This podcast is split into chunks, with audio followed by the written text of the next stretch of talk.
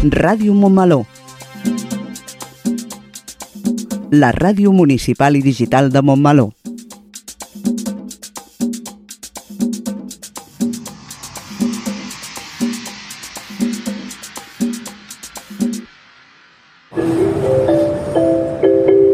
Propera parada, Montmeló.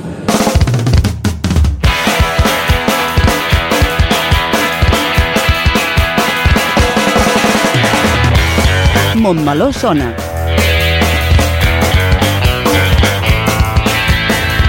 El magazín informatiu de Ràdio Montmeló.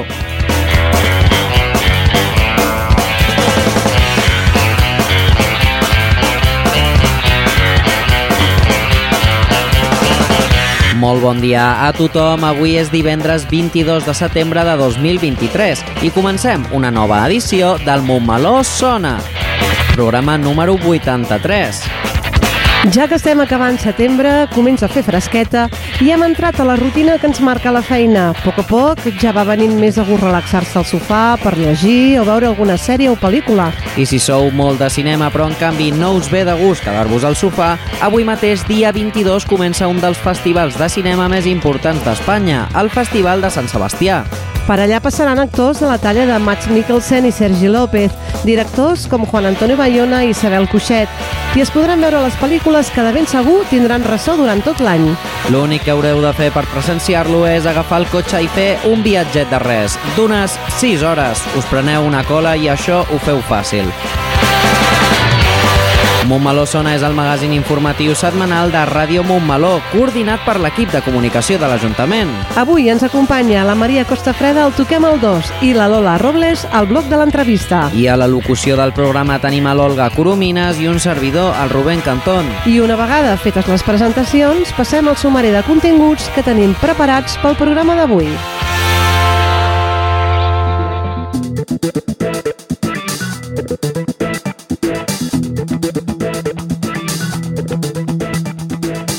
Comencem amb el Toquem el 2, on la Maria Costa Freda parla de les festes de Santa Tecla amb la regidora de festes de l'Ajuntament de Tarragona, Sandra Ramos. Seguirem amb el nostre espai informatiu Crònica de Montmeló, on farem un repàs de l'actualitat del nostre poble. Després farem una ullada a l'agenda d'actes que podem trobar els propers dies a Montmeló. Tot seguit, la Lola Robles torna al Montmeló Sona, en el bloc de l'entrevista, on parlarà amb Ramon Oliver i l'Eduard Santiago del Clàssic Club Montmeló. I com ja sabeu, tot això i alguna cosa més és el que trobarem al Montmeló Sona d'avui, 22 de setembre de 2023.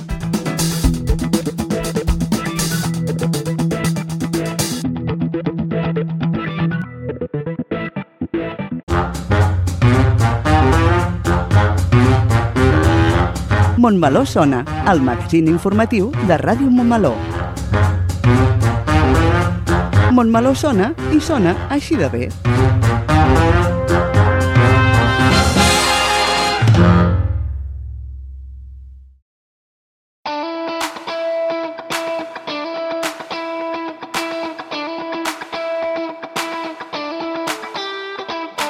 Els del Toquem el 2, aquesta setmana marxem cap a Tarragona a gaudir de la seva festa major. Santa Tecla és la festa de les tecles, la festa major de Tarragona. Una festa popular i participativa que es remunta al 1321 i que el 1996 va ser declarada festa tradicional d'interès nacional per la Generalitat de Catalunya i el 2002 festa d'interès turístic nacional pel govern espanyol. Santa Tecla és, doncs, una de les tradicions populars més riques i vives de tot l'Estat i les seves festes duren dues setmanes que s'inicien la segona quinzena de setembre i culminen els dies 22, 23 i 24 de setembre amb l'actuació del Seguici Popular, un dels més importants dels països catalans i les colles castelleres. Per tal de saber més de les festes de Santa Tecla, tenim a la Sandra Ramos, regidora de festes del consistori tarragoní.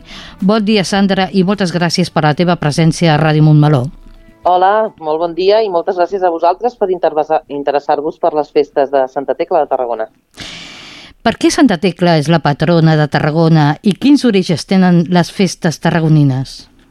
Doncs justament l'any passat vam celebrar el 700 aniversari de l'arribada del, del braç de Santa Tecla a Tarragona. Aquesta festivitat té aquest origen medieval, eh, doncs amb, amb l'arribada de la relíquia, no? perquè era important per una ciutat com Tarragona que la seva catedral tingués una relíquia i així es van fer doncs, totes les gestions polítiques i eclesiàstiques perquè doncs, per tenir aquest efemèride que va ser tot un esdeveniment importantíssim. De fet, en el marc d'aquestes festes també hem presentat un llibre que s'ha fet juntament amb, amb la URB, no? que és el, la culminació d'unes jornades científiques que es van fer al voltant d'aquest fet, no?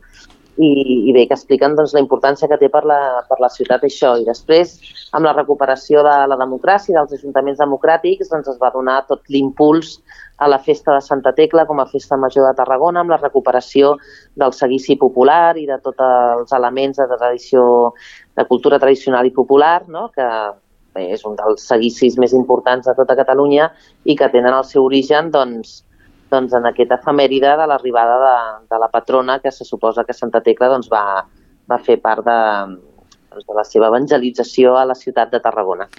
Sí, M'has comentat que degut a la instauració dels eh, ajuntaments democràtics la festa de Santa Tecla va explosionar totalment. Què suposa per Tarragona ser una de les festes més importants de Tarragona i de l'estat espanyol? Bé, de fet, eh, la nostra festa, que més és festa d'interès turístic nacional des de eh, doncs des del 2002, no? per part de la Secretaria General de Turisme del Govern d'Espanya, és des del 2002 i des del 2010 també és una festa patrimonial d'interès eh, nacional, no? acordat doncs, per la Generalitat de Catalunya. Per nosaltres, a banda de, de l'orgull de, de ciutat, de, de lluir doncs, eh, els castells, eh, tots els elements del seguici amb els nanos, els gegants, eh, el bestiari, els balls, els balls parlats, tenim una tradició immensa que més recorre a tota la ciutat. Evidentment tenim una seqüència ritual, no? que és el cor de la festa, que, que comença la part forta, diguéssim, ha començat aquests dies. Ahir a la nit, doncs, el retaule de Santa Tecla, que és una cosa que si no heu vist, convido a tothom que vingui a Tarragona a veure-la el 20 de setembre, que és aquesta representació doncs, de la vida martiri de Santa Tecla amb un ball espectacular i amb una música preciosa que es fa dins de la catedral davant del propi retaule de Santa Tecla Avui tenim el pregó, amb el pregoner que enguany és l'Oriol Grau, conegut a, arreu del país no? per, per la seva activitat cultural i artística. Eh, I tenim, doncs, evidentment, comencem la baixada de l'Àliga, que és un acte absolutament multitudinari, i demà doncs, ja tenim doncs, el, eh, la cercavila, la processó, el castells de focs artificials, l'entrabres a Santa Tecla el dia 23 de setembre, diades castelleres, els pilars caminants, que també són una d'aquestes joies que tenim a la nostra ciutat, que és realment espectacular veure-ho. Però a banda de tot això, la festa s'ha fet molt més gran gràcies també a la participació de les entitats que organitzen moltíssimes activitats al voltant de la festa i després també doncs, amb tota la programació que fa l'Ajuntament de Tarragona enguany amb un canvi d'ubicació d'on es fan els grans concerts, que una altra ubicació que és el Parc del Francolí, que no està a prop de la Paralta, que és on passa gairebé tot. Hem volgut eh, fer arribar la festa a més espais de la ciutat i això ens ha permès doncs, fer també aquests concerts multitudinaris que vam poder veure el cap de setmana passat, per exemple, el, el, el concert familiar que amarra el triomfi de Tallets, que va plegar 12.000 persones al Parc del Francolí. Uh mhm. -huh. Bé, anava a preguntar quines eren les activitats previstes per aquest cap de setmana eh, que, bé, serà el plat fort de Santa Tecla a les festes tarragonines.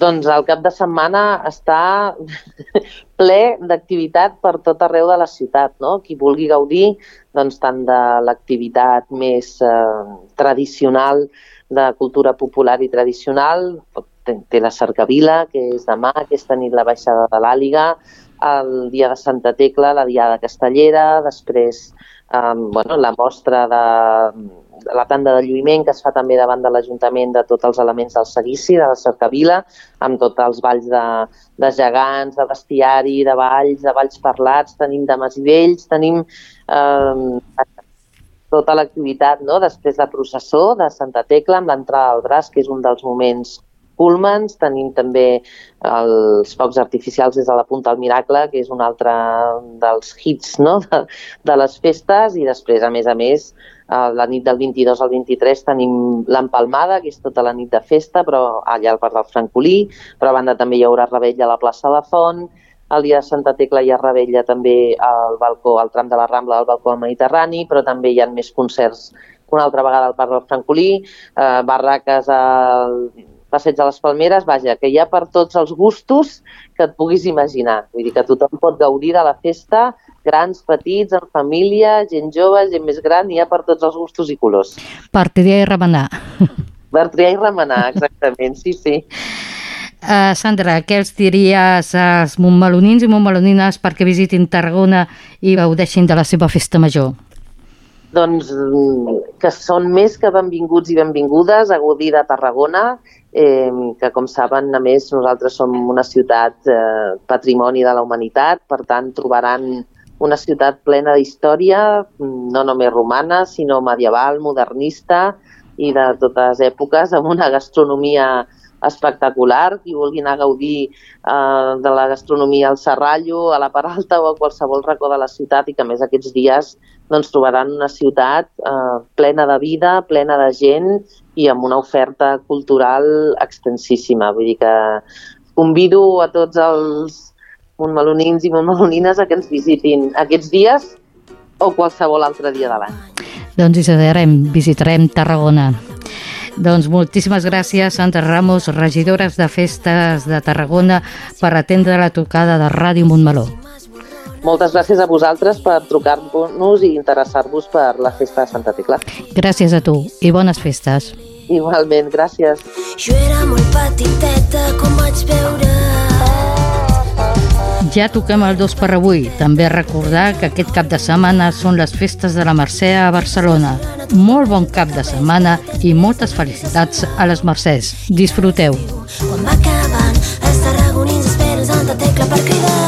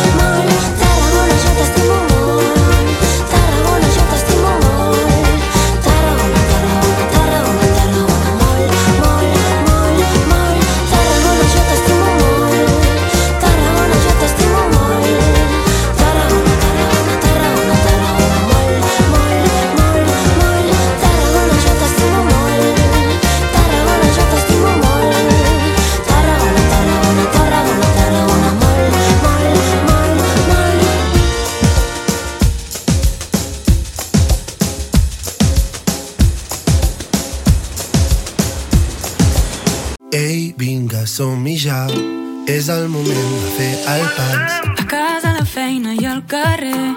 Quan anem de festa o al taller. Parla'm amb el teu accent. Només hem de començar. Va, provem-ho en català.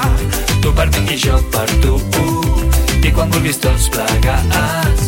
Molt per parlar, molt per Provem-ho en català. molt per parlar, molt per viure. Generalitat de Catalunya. Sempre endavant. Jo vull saber, el programa on Pere Rodríguez, alcalde de Montmeló, respondrà als teus dubtes. Participa en directe a Instagram un dia abans del llançament o envia les teves preguntes fins dos dies abans a radiomo.montmeló.cat o amb una nota de veu al 637 150 702. Jo vull saber, l'últim dijous de cada mes a les 5 de la tarda.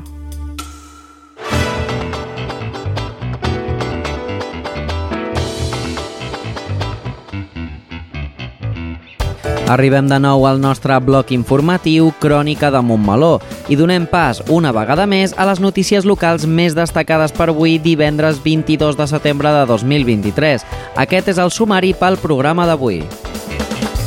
Montmeló celebra el dia sense cotxes avui divendres. El Centre de Formació de Persones Adultes incorpora dos nous projectes per a aquest curs. Montmeló destina 3.000 euros per ajuda humanitària als afectats pel terratrèmol del Marroc. Recta final en l'elaboració del nou Pla Local de Joventut. Acabem setembre parlant de llibres a la biblioteca. Xarxa de Montmeló aixeca el taló del teatre familiar. Ja es poden comprar les entrades per a la nova temporada de teatre i cinema infantil a la Polivalent. A més de les notícies, us parlarem sobre els actes previstos a partir d'avui divendres i fins diumenge vinent.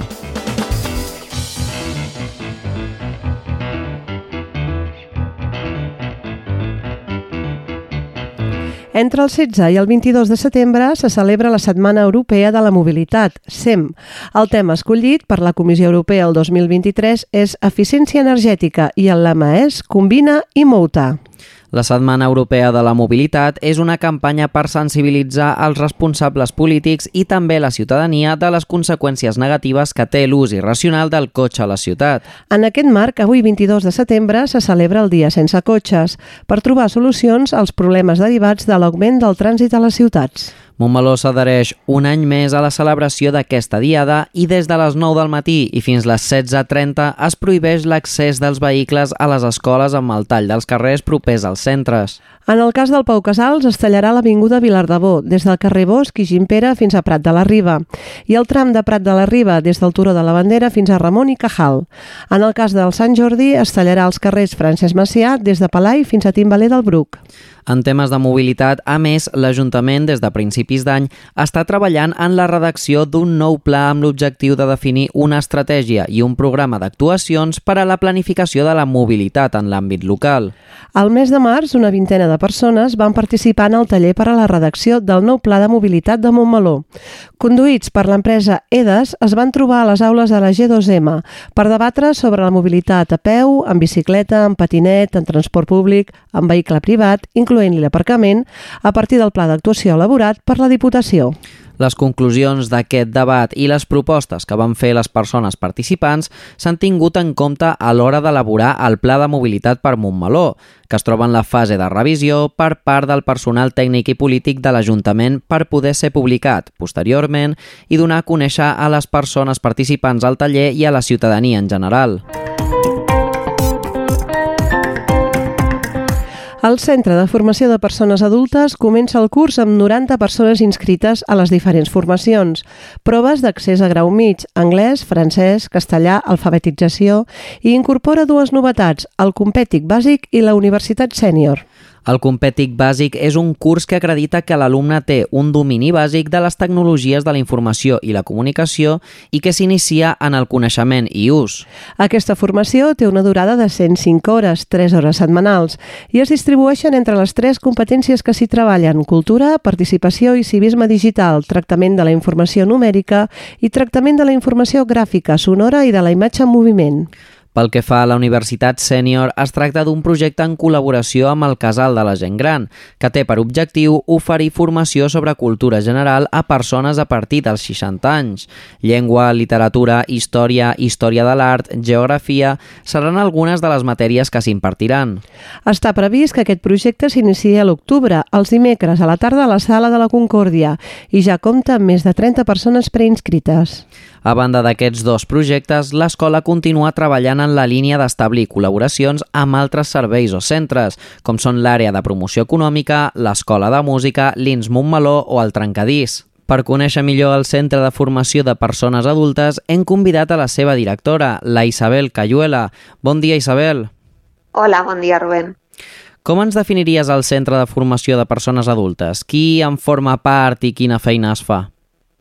Doncs el Centre de Formació de Persones Adultes de Montmeló jo el definiria com un centre que s'ha anat, adaptant en els darrers temps a les necessitats de la societat, de la nostra ciutadania, oferint noves formacions i cada vegada més obert a fer col·laboracions amb d'altres centres educatius i d'altres serveis del municipi i està format doncs, per un equip de tres professors, dues professores i un, i un professor, i per mi mateixa, que sóc la tècnica d'educació de l'Ajuntament i que m'encarrego des del mes de gener de la coordinació del centre.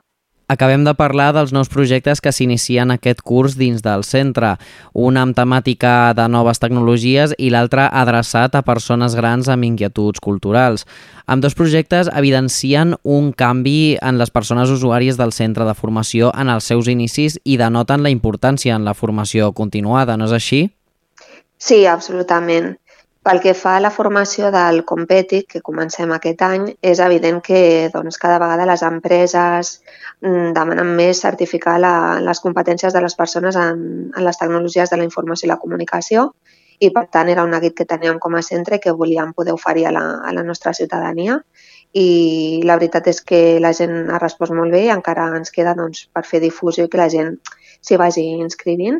I pel que fa a la Universitat Sènior, doncs des del Centre de Formació a Persones Adultes tenim aquesta visió no, de la formació al llarg de tota la vida mm. i ens semblava molt interessant poder oferir aquest recurs per la, per la gent del nostre municipi i el fet que s'hi hagin inscrit 32 persones de moment doncs també denota aquesta voluntat de la gent de no deixar d'aprendre mai.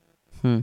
I eh, seguiu impartint classes per a aquelles persones que no van poder acabar els estudis o que no van poder aprendre a llegir i escriure? Sí, doncs uh, aquest curs tornem a oferir el, a les proves d'accés a grau mig i el graduat en ESO, que es fa tot en un mateix grup, i tirar endavant perquè s'han inscrit prou alumnes i també mantenim el grup d'alfabetització, que es fa cada dia, de dilluns a, a dijous.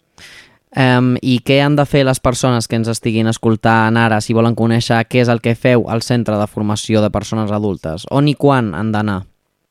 Doncs el Centre de Formació de Persones Adultes està, tenim disponible servei de consergeria matí i tarda, per tant s'hi poden adreçar tant al matí com a la tarda directament a, a la granja a la G2M però també poden estar informats de totes les nostres novetats, formacions i les notícies que anem penjant a través de la nostra pàgina web, que és nova d'aquest any, que és agora.xtec.cat eh, barra cfa-montmeló. Doncs moltes gràcies, Isabel, per agafar-nos la trucada. Gràcies a tu, Rubén. Un terratrèmol de magnitud 6,8 graus va produir a les zones remotes del Gran Atlas, al Marroc, grans afectacions, causant la mort de més de 2.000 persones, un balanç de víctimes que probablement augmentarà els pròxims dies. El sisme també va sacsejar la històrica ciutat de Marrakeix, que és la ciutat més propera a l'epicentre. Cases i altres edificis de la ciutat, declarada Patrimoni de la Humanitat per la UNESCO, es van esfondrar. Marrakeix i tota la zona del Gran Atlas han resultat greument danyades pel terratrèmol i la situació del país i la dificultat del terreny fan que sigui molt complicat arribar a molts dels llocs afectats. Les carreteres i les vies de comunicació estan bloquejades i impedeixen que les ambulàncies arribin fins als ferits. I mentre els veïns i les autoritats s'afanyen per retirar la runa, les tasques de rescat i socors resulten difícils a causa del terreny muntanyós, el risc desllavissades de terra i les grans distàncies distàncies. Tal com es va fer amb el terratrèmol de principis d'any a Turquia i Síria, des de l'Ajuntament de Montmeló hem volgut sumar-nos a la campanya d'emergència oberta pel Fons Català de Cooperació amb la donació de 3.000 euros que aniran destinats a ajudar els afectats, refugiats, desplaçats i víctimes d'aquesta catàstrofe que ha afectat milers de persones i de la qual encara no es coneix l'abast real dels danys i víctimes.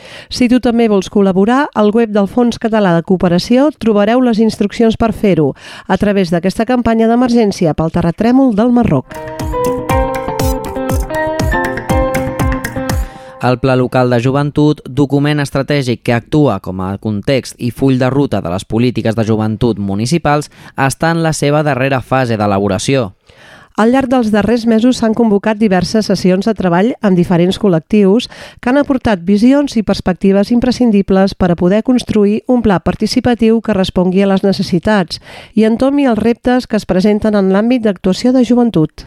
Després de les sessions de treball tècniques i les sessions dinamitzades i enquestes dirigides al col·lectiu jove, el passat 13 de setembre va tenir lloc la convocatòria d'una sessió de treball política que tenia per objectiu validar els eixos del pla d'acció i definir els objectius i les accions a promoure i impulsar per a poder complir-los en el termini de 4 anys que preveu el document estratègic.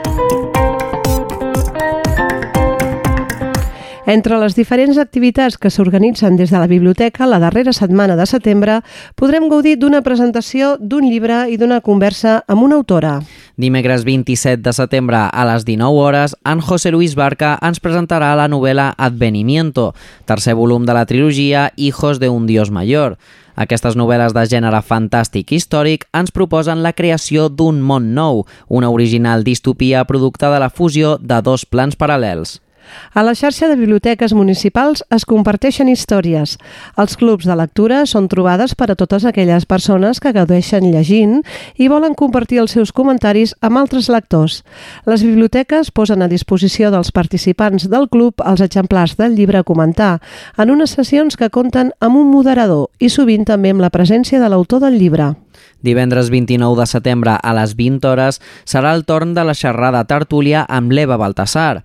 Es tracta d'una activitat del Club de Lectura de la Biblioteca i del programa Lletres en Viu. En aquesta trobada es comentarà l'obra Boulder, guanyadora del Premi Òmnium de novel·la 2020 i finalista del Premi Booker Internacional 2023. Xarxa és una entitat sense ànim de lucre que des de l'any 1988 organitza a Montmeló espectacles infantils i familiars de companyies professionals. El grup Xarxa de Montmeló el conformen persones voluntàries que, de manera altruista i desinteressada, promouen una programació estable de teatre i arts escèniques al nostre municipi que normalment es porta a terme a la sala polivalent La Torreta. L'entitat ja té preparada una apassionant programació de tardor i hivern, amb quatre espectacles de l'1 d'octubre al 28 de gener que enguany canvien d'horari i tindran lloc els diumenges a les 17 hores a la sala polivalent. Si voleu gaudir de descomptes i avantatges en el preu preu de les entrades i voleu saber de primera mà la programació i totes les novetats de la temporada teatral, feu-vos socis de l'entitat. A més, aquest trimestre regalen una entrada gratuïta a cada nou soci o sòcia que s'uneixi a Xarxa Montmeló. Per fer-ho, has d'omplir el formulari que trobaràs escanejant el codi QR que apareix publicat al Crònica, que s'està repartint a les cases o bé a la web de l'Ajuntament. Si vols contactar amb l'entitat, pots fer-ho per correu electrònic a xarxamontmeló.gmail.com i a les xarxes socials d'Instagram, Facebook i Twitter amb la marca Xarxa Montmeló. Consulta la programació de la sala polivalent i tria un dels espectacles, dos, tres o tots quatre.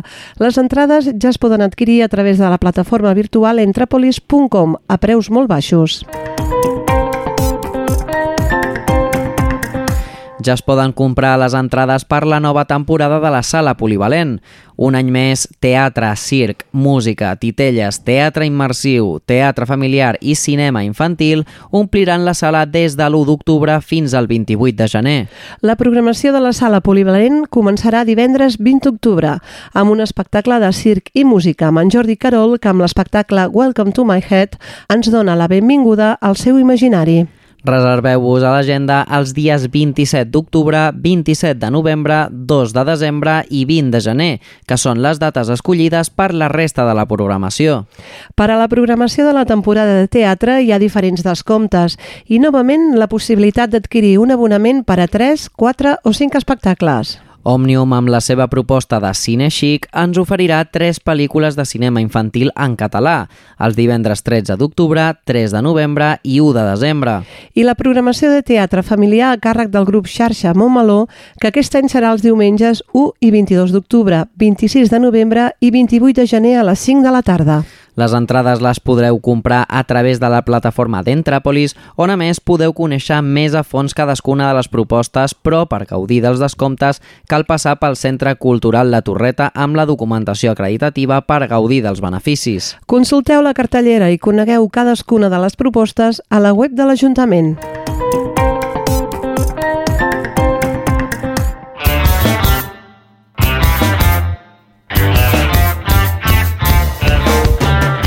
Iniciem el bloc de l'agenda d'activitats culturals previstes des d'avui divendres i fins diumenge 1 d'octubre. Aquestes són les activitats programades.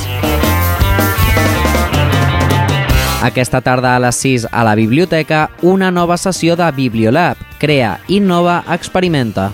La gent del taller, sota el títol Smartphone fet a mà, us proposa poder-vos construir el vostre propi mòbil, escollint les aplicacions que més us agradin i fent servir la imaginació. Activitat adreçada a infants a partir dels 6 anys, amb places limitades. Cal inscripció prèvia a la biblioteca i teniu de temps fins al dia 20 de setembre.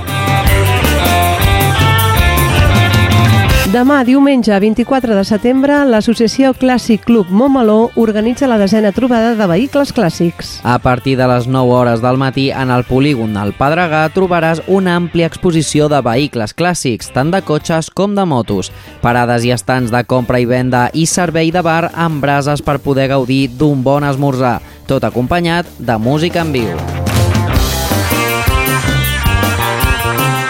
Dimarts 26 a les 8 del vespre a la Sala de la Concòrdia, una nova sessió del ple de l'Ajuntament. Les sessions plenàries són públiques i també es poden seguir en directe a través del canal de YouTube de l'Ajuntament.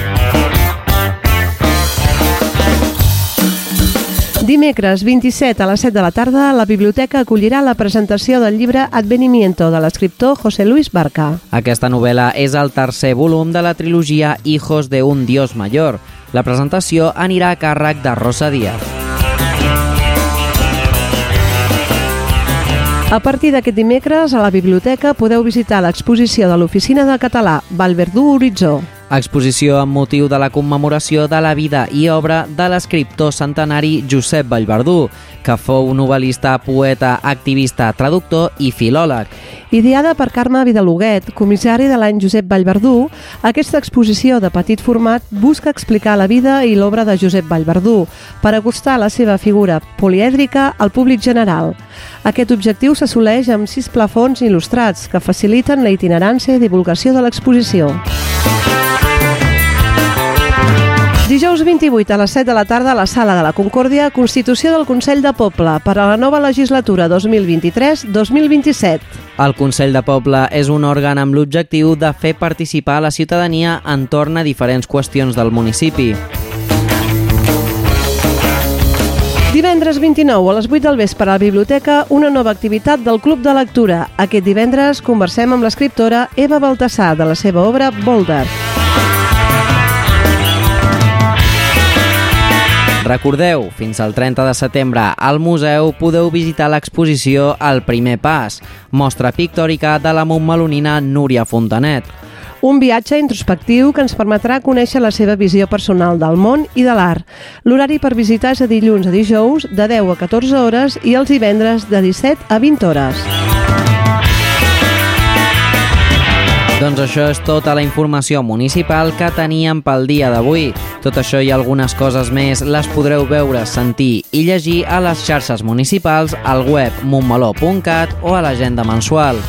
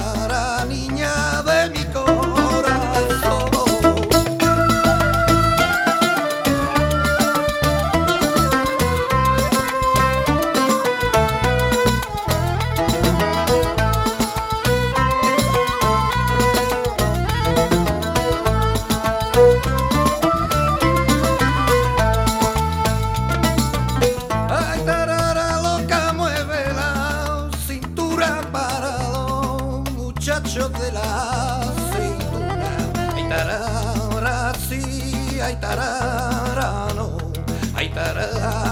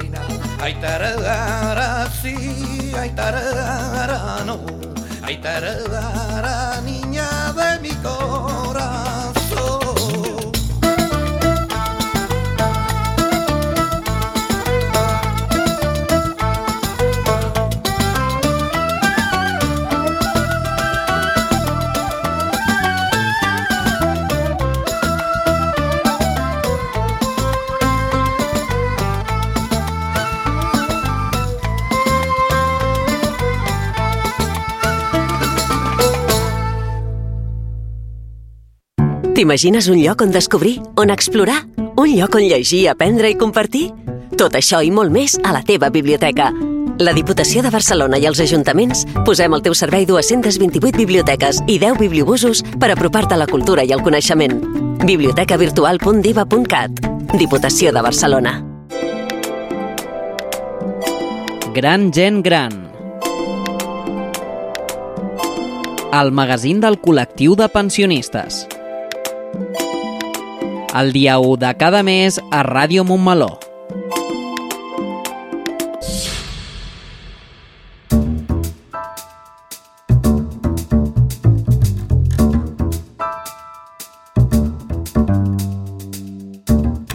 L'Associació Clàssic Club Montmeló està d'aniversari amb l'organització de la decena trobada de vehicles clàssics que tindrà lloc aquest diumenge al polígon del Pedregà a partir de les 9 del matí.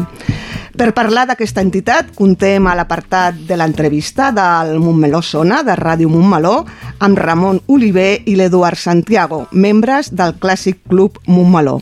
Bon dia. Bon Hola, dia. bon dia tot a punt per celebrar aquesta decena trobada de vehicles clàssics a Montmeló? Bueno, creiem que sí. sí. En principi tenim tot en marxa i en principi no hi ha cap problema, tot va rodat i en principi tot bé. Pensem que ho tenim tot preparat. Això ja aquell dia ens ho dirà, però bueno, en principi sí. Què es trobaran les persones que es desplacin fins al polígon del Pedregà per gaudir d'aquesta trobada? En què sí. consistirà? Vale, es trobaran allà pues, una pila de cotxes per començar. Tenim també música en directe. Música en directe, mm. estants eh, que podran, bueno, on es pot adquirir recanvis de cotxes usats i d'antics, sobretot. Crec que hi ha 150 metres d'exposició de, de paradistes, mm. vull dir que en tenim molts també, val? Mm. i llavors, pues, no sé, una mica de festa, no? Mm. Al bar, amb entrepans, amb beguda... Perquè hi ha recorregut també de, dels cotxes o els cotxes queden exposats? Els cotxes queden exposats fins les 12 que marxa una tongada de cotxes que van a fer tandes cap al circuit. I a la una, aproximadament a la una, se'n van a la resta que van a fer volta guiada. O sigui, fins a les 12 està a tope. Vull dir, a, a les 12 estarem allà, jo calculo que uns 300 cotxes. Clàssics tots, i estarem allà amb música, el repartiment de premis també, hi han sis premis a repartir també, i llavors ja a partir de les 12 llavors sí que ja la cosa continua a despejar una mica. I quin tipus de vehicles es podran veure? Uh, de quin tipus de màquines estem parlant? Bueno, estem parlant de vehicles amb una antiguitat mínima de 30 anys. Llavors, eh, bueno, bàsicament són vehicles, cotxes i motos, inclús em sembla que aquest any tenim algun camió també. Un. Uh, un, concretament un. Uh, són vehicles que tenen 30 anys. O sigui, mínim 30 anys. Poden haver-hi, des de, em sembla que el més antic d'aquest any és uh, de l'any 1930 o... Pot ser, n'hi ha un de molt antic. Molt, molt antic, antic, que ja els posem una miqueta a, part, intentem agrupar uh, per tipus o perquè arriba un moment que ja ho has de fer per ordre d'arribada, no?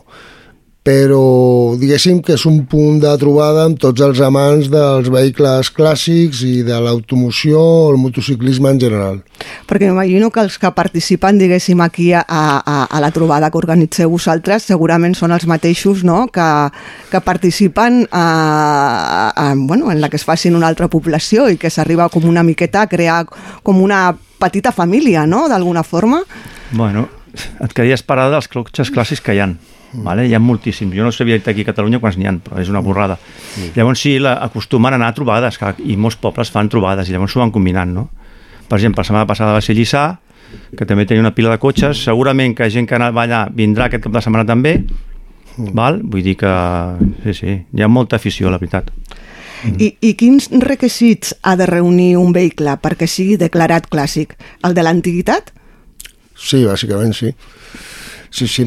El que passa que sí que eh, el mateix propietari, eh, quan tens un vehicle que el tens amb aquesta antiguitat doncs ja l'intentes donar una miqueta de mimos, no és un utilitari de cada dia. Rara vegada el, la persona que fa servir un vehicle d'aquests a diari el porta amb una trobada. Normalment són aquell cotxe que tens guardat a casa, que el neteges, que el mimes, que el fas servir per donar una volteta, per, o cotxe o moto, eh, insisteixo, i llavors, bueno, normalment solen fer bastant goig. I, bueno, és, és un món, diguéssim, que agrupa molt aficionat de l'automobilisme i del... No, no cal que tingui X cavalls, ni que sigui més mític o menys mític, o sigui, hi, hi ha 7-600 de sèrie que fa molt més goig que un vehicle a lo millor més proper amb, amb la data i, i estigui una miqueta més atrotinat. Anem una miqueta als inicis. Eh, com va començar aquesta activitat i quina ha estat l'evolució fins al dia d'avui? Bueno, fa 10 anys vam començar una colla d'amics, vam dir, ostres, per què no fem aquí un moló? No hi ha res d'automoció, no hi ha res de... al poble, i vam dir, ostres, fem un, fem un club de clàssics, val? i vam començar així. Vam començar així, amb 5 o 6 socis que érem al principi, val? llavors vam començar a fer uns socis més, eh, llavors vam començar a fer les activitats aquestes que ens va, que vam fer el tema del el xiringuito, trobada de motos, trobada de cotxes, i clar, això es vam anar fent grans. Val? Vam tenir més socis, eh, vam poder tenir un local social, vam aconseguir un local social, i bueno, llavors vam anar encara incrementant més socis amb els anys, i aquests dos últims anys, amb el tema de l'impost del CO2, que és CO2 que hem tramitat als cotxes clàssics, hem fet bastants socis més, fins a arribar al 100 i alguna que som ara. Sí, una miqueta és com ha anat creixent en, en, eh. en temes també de participació de vehicles i assistència de públic. Bueno, jo últimament les trobades d'ara sempre han sigut bastant grans, les que recordo jo últimament sempre han sigut molt... De seguida, des d'un principi, ja ens vam sorprendre, no? Al principi potser vam tenir primer any 40 cotxes, però és que ja després vam tenir que canviar la ubicació perquè no hi cabíem. Vull dir, vam començar a la Quintana, i a l'any següent ja vam, crec que vam anar al polígon de, d'aquí de l'Starlux, que era, mm. perquè ja no hi cabíem. Vull dir, no, vam fer-ho aquí on te fem el Bull de Pedregà. Mm. Però vam fer només en una part. I després ja no hi cabíem allà i vam anar, vam anar al, al de l'Starlux. Després, després, l'escorxador, que ja no hi cabíem, i hem tingut que tornar aquí a agafar tota la, tota la part del carrer, mm. bueno, tota la part aquesta, perquè és l'únic lloc que hi cabem. I hi ha hagut canvis significatius en el tipus de vehicle que es presenta, que participa en, les, en la trobada? Bueno, al principi eh, si no recordo malament, eren més de 25 anys, no? Sí.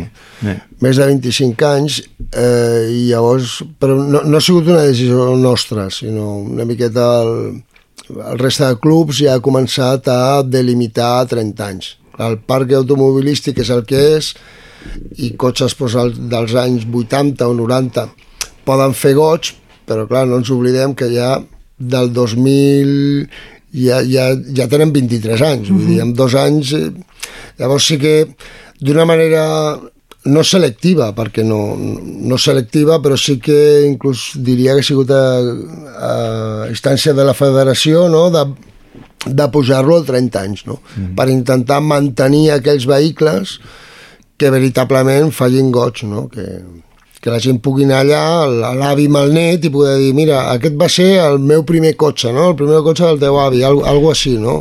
Bueno, deuen tenir molta història, no?, també, aquests, aquests cotxes, no? Ui. si li preguntes pots estar una hora escoltant Jo crec que li, sí, sí. li pots preguntar a cada persona que vingui i ella t'explica la seva història d'aquest sí, cotxe. Sí ja sí, sigui sí. perquè era el primer cotxe que va tenir, o el seu cotxe que ell havia tingut el mateix cotxe i va aconseguir aquest cotxe, mm. va restaurar... Mm. Bueno, ja cada, cada cotxe té una història. Mm. Vull dir... Uh, la trobada d'enguany coincideix amb el desè aniversari de l'entitat. Teniu previst alguna celebració o alguna novetat per commemorar el desè aniversari? Bueno, ja ho vam fer, això. Sí. Ja vam fer... a- Quan va ser? A l'estiu, A l'estiu. abans de l'estiu, sí. Vam fer aquí un Montmeló, ja vam fer una trobada més petita per, per celebrar i sobretot ho vam fer per la gent del poble, sí. la gent de Montmeló que van fer activitats de, per, pels nens petits de dibuix, activitats pels joves amb, amb els de amb el col·legi de Granollers, Sí, que es muntaven motors i això, va ser una activitat molt maca que vam tenir aquí, al juny va ser. Clar, nosaltres ens vam plantejar, quan vam fer el calendari anual, que posem doncs, les diferents sortides i activitats que fem més, més a nivell de socis i tal, de com faríem el desè aniversari. Llavors se'ns va plantejar un tema, que és, és fer-lo el mateix dia de la trobada, però clar, el dia de la trobada eh, ve molta gent que no és del poble. La gran majoria no és del poble, perquè diguéssim, després la gent que sí que entra a peu i ve a passar el dia, és una trobada familiar i tal.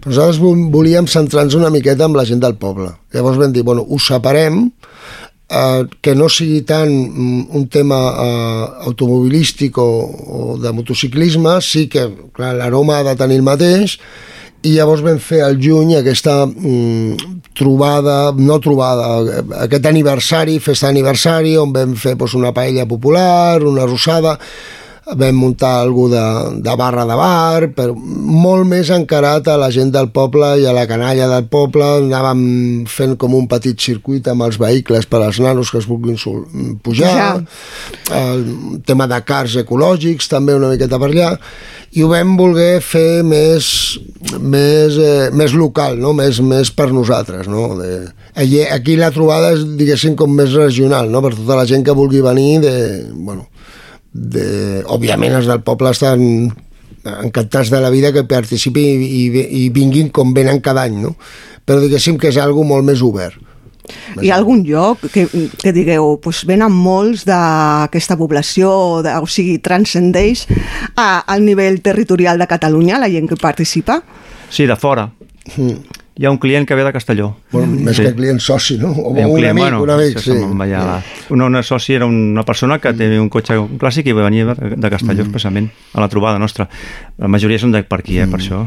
I, i al llarg d'aquests 10 anys hi, eh, ha hagut algun moment destacat o anècdota o història de carretera que us agradaria compartir amb nosaltres? Quin és el vehicle més curiós que, que us heu trobat? Curiós. O història o... Home, jo crec que el d'aquest any, el de, la, el, de la, el de la Festa Major va estar De la molt bé. Festa Major, sí. El de la Festa Major que vam fer servir per portar al Cap Gros, jo crec Sí. que aquest és un cotxe és un cotxe que a més ten, bueno, Sí, té té una història d'amistat, no? sí. Perquè tu te'l vas trobar Sí. en el, amb ell, Sí, el vas sí. veure i vas dir, escolta'm, que som de Montmeló. Sí. I el vam, eh, fa 3 anys, em sembla que és, és bueno, un cotxe bastant espectacular i bueno, me'l vaig trobar en un bar i fotent una cervesa el, bar, el, el cotxe i vaig dir, escolta, esteu? I, bueno, el vaig convidar a venir a la trobada que fèiem aquell any i pensar que aquell home pues no sé si vindria perquè clar, eh, i bueno, el tio va venir eh, li va agradar eh, i ha repetit eh, tots els anys vull sí. dir, inclús quan vam fer lo de la festa major amb el Cap Gros li vam demanar aquesta col·laboració i no és soci del nostre club, és soci d'un altre club que nosaltres respectem, òbviament, tot el contrari, però bueno, ens uneix una amistat que cada vegada el demanem venir. I és un, bueno, el model, no sé, és un Spider, no? Un, Sí, un Porsche Spider. és la rèplica exacta del cotxe que es va matar el James Dean. Bueno, és un, una anècdota una miqueta macabra, però és la que és. Vull dir, la gent coneix aquell model perquè, bueno, no es feien molts en aquella època i, i és una rèplica exacta. I, bueno, i aquesta podria ser que va portar el cap gros, no?, de Montmeló, Sí, sí, i sí, seria... Li vam dir, no va dubtar ni un moment, imagina't. No, no, tot el contrari, em va encantar. A més, el tio ve amb, bueno, amb el Sí, sí, seu, sí, di- la seva disfressa una miqueta d'aquells anys, i sí, és curiós, d'un tipus peculiar, sí. Mm. Un, bon, un, un bon amic del Sí, club, sí, sí, diria, sí, no? sí, sí. I què, què és el que creieu vosaltres que aporta a Montmeló una entitat com la vostra? Com contribuïu a la comunitat local?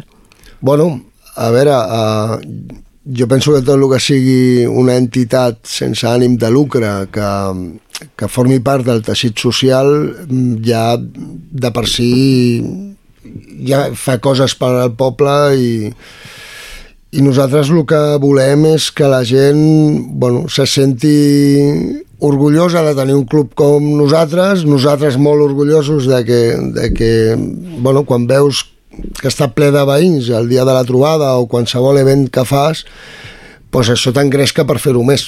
És que jo crec que un poble hi ha d'haver entitats que col·laborin, que facin coses. Si no, un poble seria molt avorrit, no? no. Llavors, que cada cap de setmana hi hagin coses, o molts caps de setmana hi hagin coses, doncs millor per a la població, no? Que surtin un diumenge, què fem avui? Mm. És que no sé què fer, doncs, ostres, que els clàssics, van cap allà, passes el matí allà i ja, ja. està, no? I el dia que no hi ha clàssics hi hagin gegants, que no hi hagin sardanes, hi hagi mm. gitanes, bueno... Sí. Eh, els diables, no sé quantes més, sí, diables, sí. quantes més entitats siguem i més coses puguem fer pel poble, doncs millor. I finalment, a nivell de futur, quins projectes o metes teniu com a entitat? pues... Mantenir...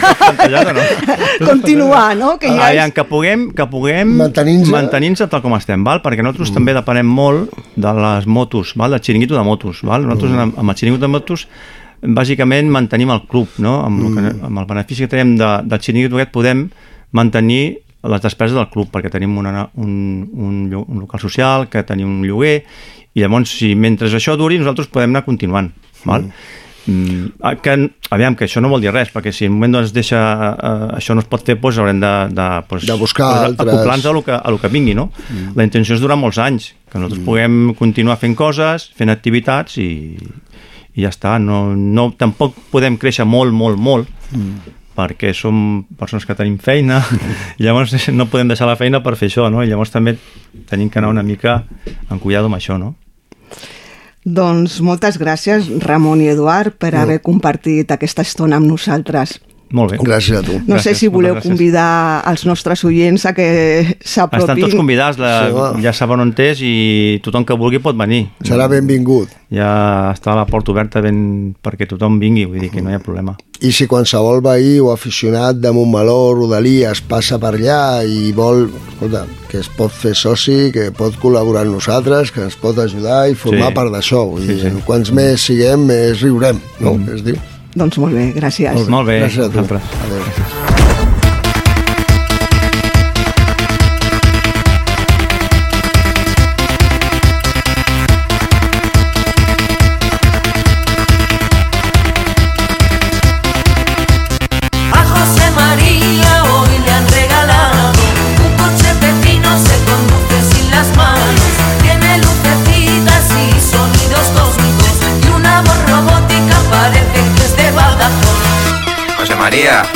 Soy el coche que te está hablando.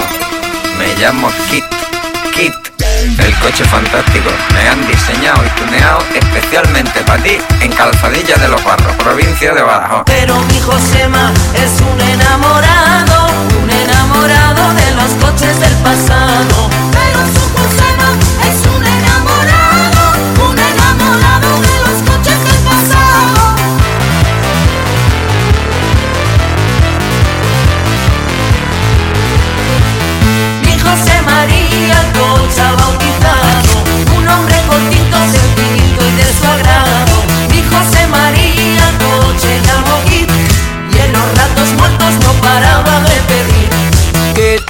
Kit, un bote de Brumel. Kit, kit, kit, celta sin boquilla. Kit, kit, kit, oliva gazpacha. Kit, kit, kit, tráeme farmatín. Pero mi Josema es un enamorado, un enamorado de los coches del pasado. Pero su Josema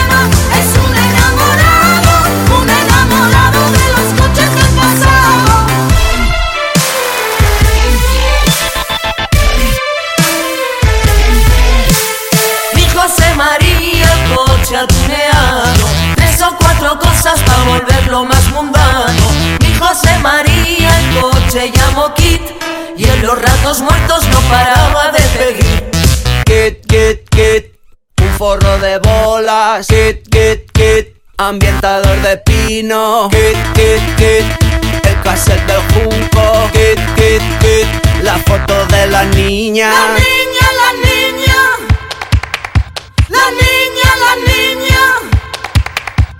Esta reposera tiene dos retornos, una perra sorda y tres o cuatro matrimonios, pero un dato clave que sabía solo Kit es que por las noches José María es María. Sabía solo que es que por la noche José María es Maribí.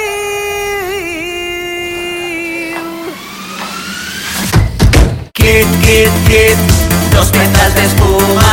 Kit, kit, kit, un culo de goma. Kit, kit, kit, tres boas de plumas. Kit, kit, kit, tanga y banderra.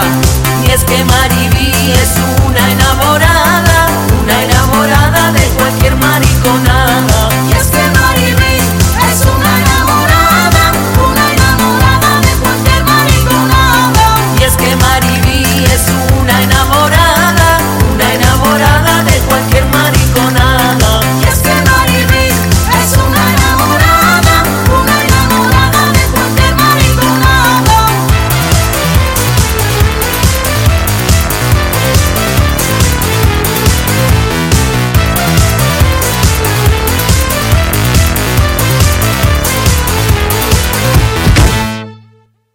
Oye, Michael, gracias por dejarnos el coche, tío. ¿eh? A vosotros por dejarme participar aquí con vosotros. Oye, ¿y de dónde has sacado el coche este? Esto viene de, de mi abuela, que era una gran seguidora de la serie. Me pusieron el nombre, pero bueno, realmente nadie sabía. Me iba a enamorar del coche siendo un niño y aquí está. Eres Michael Knight de Sabadell. Michael Knight de Sabadell, ¿no? Mira, Joan, Joan le tiene que oler el bigote ya. ¿A qué huele el bigote, Joan? Quan vam crear aquest contenidor gris i aquest i aquest, no vam pensar fem un contenidor pels que no volen reciclar. No, amics i amigues, aquí no hi diu contenidor pels que no volen reciclar. Aquí hi ha una R de rebuig o de resta. I s'hi llença allò que no es pot reciclar, no allò que et fa mandra reciclar. És a dir, les ampolles, pots i flascons de vidre que llences al gris no van al gris, i ho saps, van al verd. Ciutadania, empreses, institucions, reciclem bé, separem bé. Generalitat de Catalunya. 7 milions i mig de futurs. El primer diumenge de cada mes, acompanya'ns a Ràdio Montmeló a prendre un vermut amb Alex Atanes, Bruno Cáceres i un convidat nou cada programa. Un vermut con, el primer diumenge de cada mes a Ràdio Montmeló.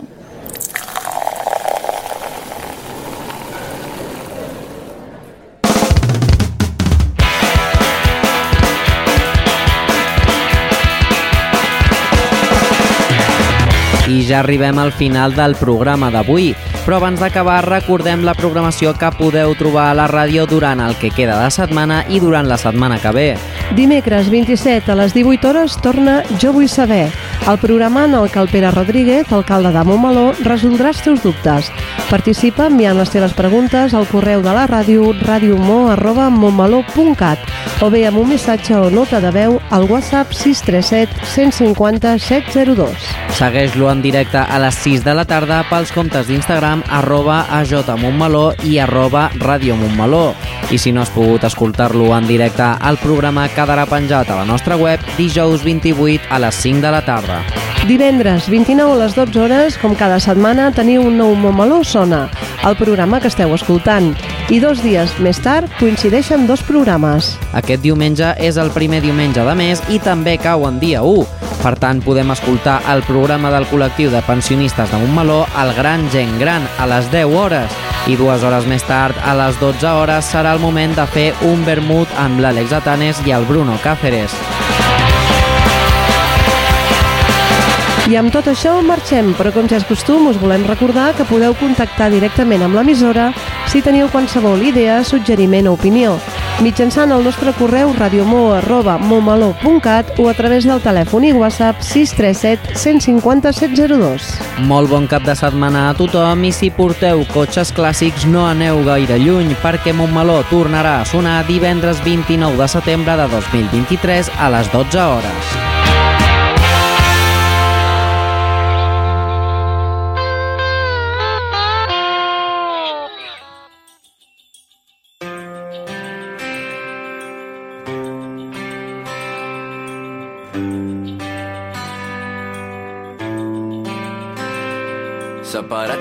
Canya prop de la plaça d'Espanya, hipsters amb barba i ulleres s'han perdut per les cotxeres, apareixen quan és fosc, els lleoners ambulants i un camell fa l'agost.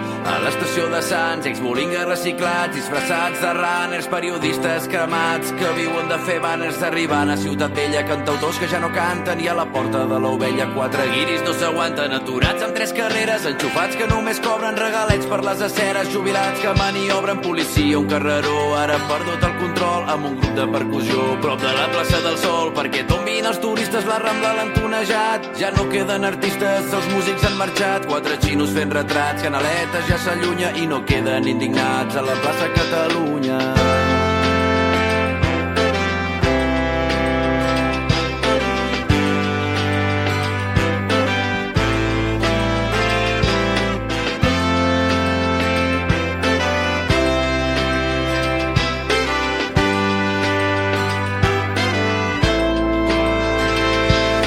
es fan foscos els dies i deixem de ser esclaus, les tristors són alegries i obrim portes sense claus. Quan es mor la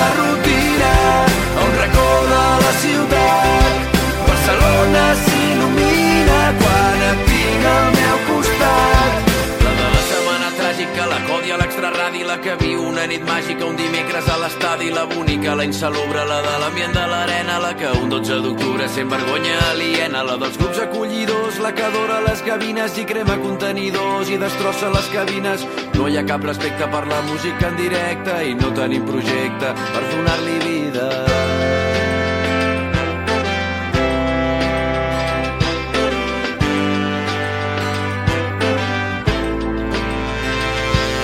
Es fan foscos els dies i deixem de ser esclaus, les tristors són alegries i obrim portes sense claus. Quan es mor la rutina a un racó de la ciutat, Barcelona s'il·lumina quan et tinc al meu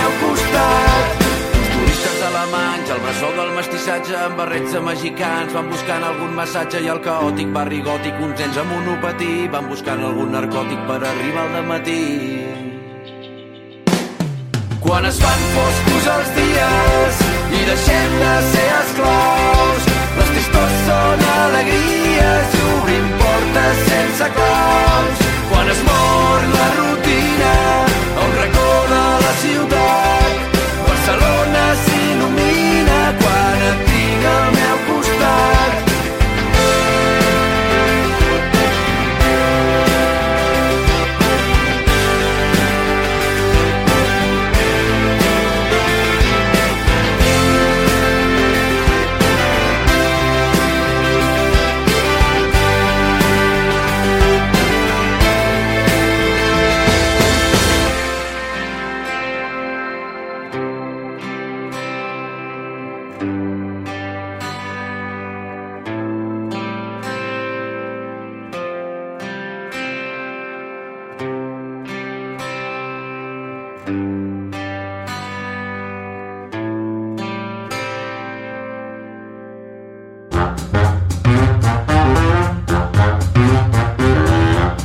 Montmeló sona, el magazín informatiu de Ràdio Montmeló.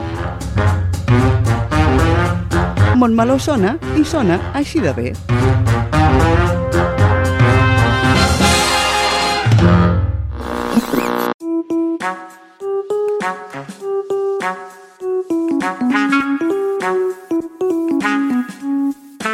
Ràdio Montmeló. Sintonitza'ns al web radiomontmeló.cat i a través de les xarxes d'Instagram, Facebook i Twitter. Ràdio Montmeló, la ràdio municipal i digital de Montmeló.